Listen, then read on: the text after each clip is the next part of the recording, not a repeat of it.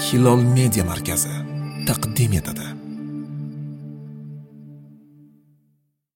Valiylik ota ona va qarindoshlarning burchi va yosh bolalarning haqqidir. Yetti yoshdan balog'at yoshiga yetguncha bo'lgan bolalar valiyga o'zidan katta rahbarga muhtojdirlar. Bu ham agar ota ona bo'lmasa yaqin qarindoshlariga yuklatiladi. Valiylik arab tilidagi valiy so'zidan olingan bo'lib yaqin bo'lish ishini qilish va himoyasiga olish ma'nolarini bildiradi. Shariat istilohida esa valiylik ba'zi kishilarga shariat bergan haq bo'lib uning egasi u ila o'zgaga gapini o'tkazadi. Bunda mazkur o'zganing roziligi shart emas. Musulmon farzandga hurlik mukallaflik va musulmonlik sharti ila asabalar o'z tartiblariga binoan valiy bo'ladilar. Yuqorida asabaning ta'rifi asaba deganda kimlar tushunilishi aytib o'tilgan edi. Bu yerda yana asaba haqida qo'shimcha ma'lumotlarni keltirib o'tamiz. Asabalar uch xil bo'ladi.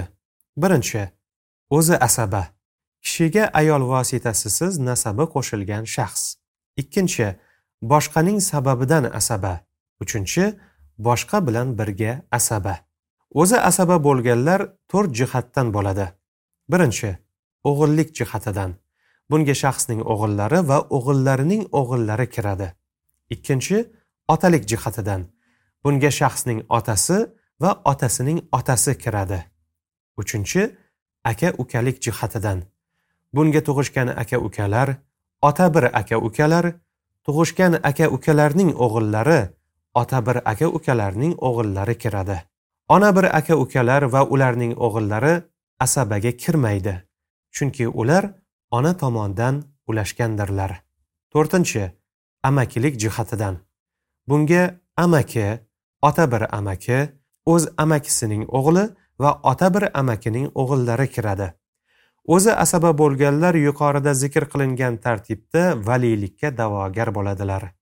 Agar shaxsning o'zi asaba bo'lgan bir nechta qarindoshlari bo'lsa ularning bir biridan ustunligini ajratishning o'ziga xos uslubi bor. Shaxsga asabalik jihatidan ustunligini aniqlash. Bunda oldin o'g'illik keyin otalik undan so'ng aka ukalik va nihoyat amakilik jihatlari turadi. Nikohda o'g'il bo'lsin qiz bo'lsin musulmon farzandga valiy bo'ladigan shaxsga bir necha shartlar qo'yiladi. Birinchi hurlik qul odam valiy bo'la olmaydi. Ikkinchi mukallaflik ya'ni balog'atga yetgan va oqil bo'lishi. Uchinchi musulmonlik. Musulmonmas odam musulmon shaxsga vali bo'la olmaydi. Agar asabalardan vali bo'lmasa to'rtinchi so'ngra ona bo'ladi. Nikohda asabalardan keyin onaning vali bo'lishi imom abu hanifa rahmatullohi alayhning qavllaridir ibn abbos roziyallohu anhu o'z xotinlariga boshqa eridan bo'lgan qiziga valiy bo'lishiga izn berganlar. So'ngra ona tomonidan bo'lgan qarindoshlar yaqinliklari tartibida bo'ladilar. Bunda avval qiz keyin o'g'ilning qizi qizning qizi o'g'ilning o'g'lining qizi ota bir ona bir opa singil ota bir opa singil ona bir opa singil bo'lib ketaveradi. Valiyning qo'li ostida balog'atga yetmagan yosh bolalar espastlar jinnilar va aqlida nuqsoni borlar bo'ladi.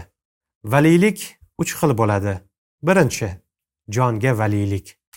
Bunga moli yo'q yosh bola misol bo'ladi. Bunda valiy unga ta'lim beradi odob beradi va voyaga yetganda nikohlab oilali qilib qo'yadi. Ota ona va boshqa valiylarning balog'atga yetganlarini agar ularning o'zlari istamasa nikohga taloqqa majburlashga va molini olishga haqlari yo'q. Ikkinchi molga valiylik. Bunda molni tasarruf qilishni bilmaydiganlarning moliga qarab turish uchun valiy bo'ladi. Alloh taolo niso surasida shunday deb marhamat qiladi. Alloh sizlarga hayot tirgagi qilib qo'ygan mollaringizni espastlarga bermang. Ularni o'shandan rizqlantiring kiyintiring va ularga ma'ruf so'z ayting.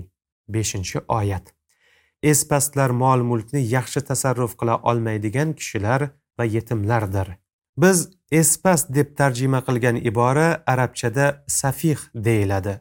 Ko'pligi sufahau bo'ladi. Bu so'z aslida yengillik ma'nosini anglatadi. Shundan kelib chiqib espastlarni mol mulk tasarrufiga yengiltaklarcha munosabatda bo'luvchilar deyishimiz mumkin. Oyatda zikr qilinayotgan mol aslida o'sha espastlarning mulki otasidan yetim qolganlarning haqqi.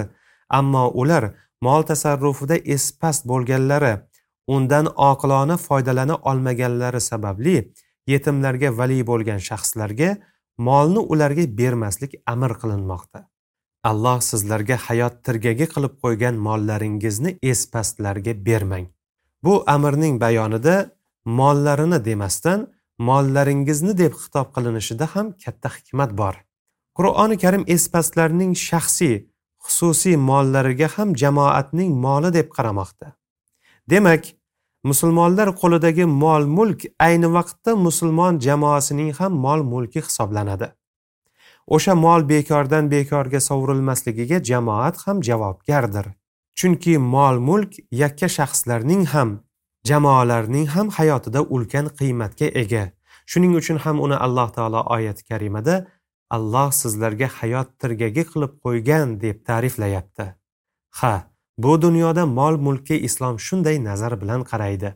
Har bir musulmon qo'lidagi molning muhofazasini ta'minlaydi.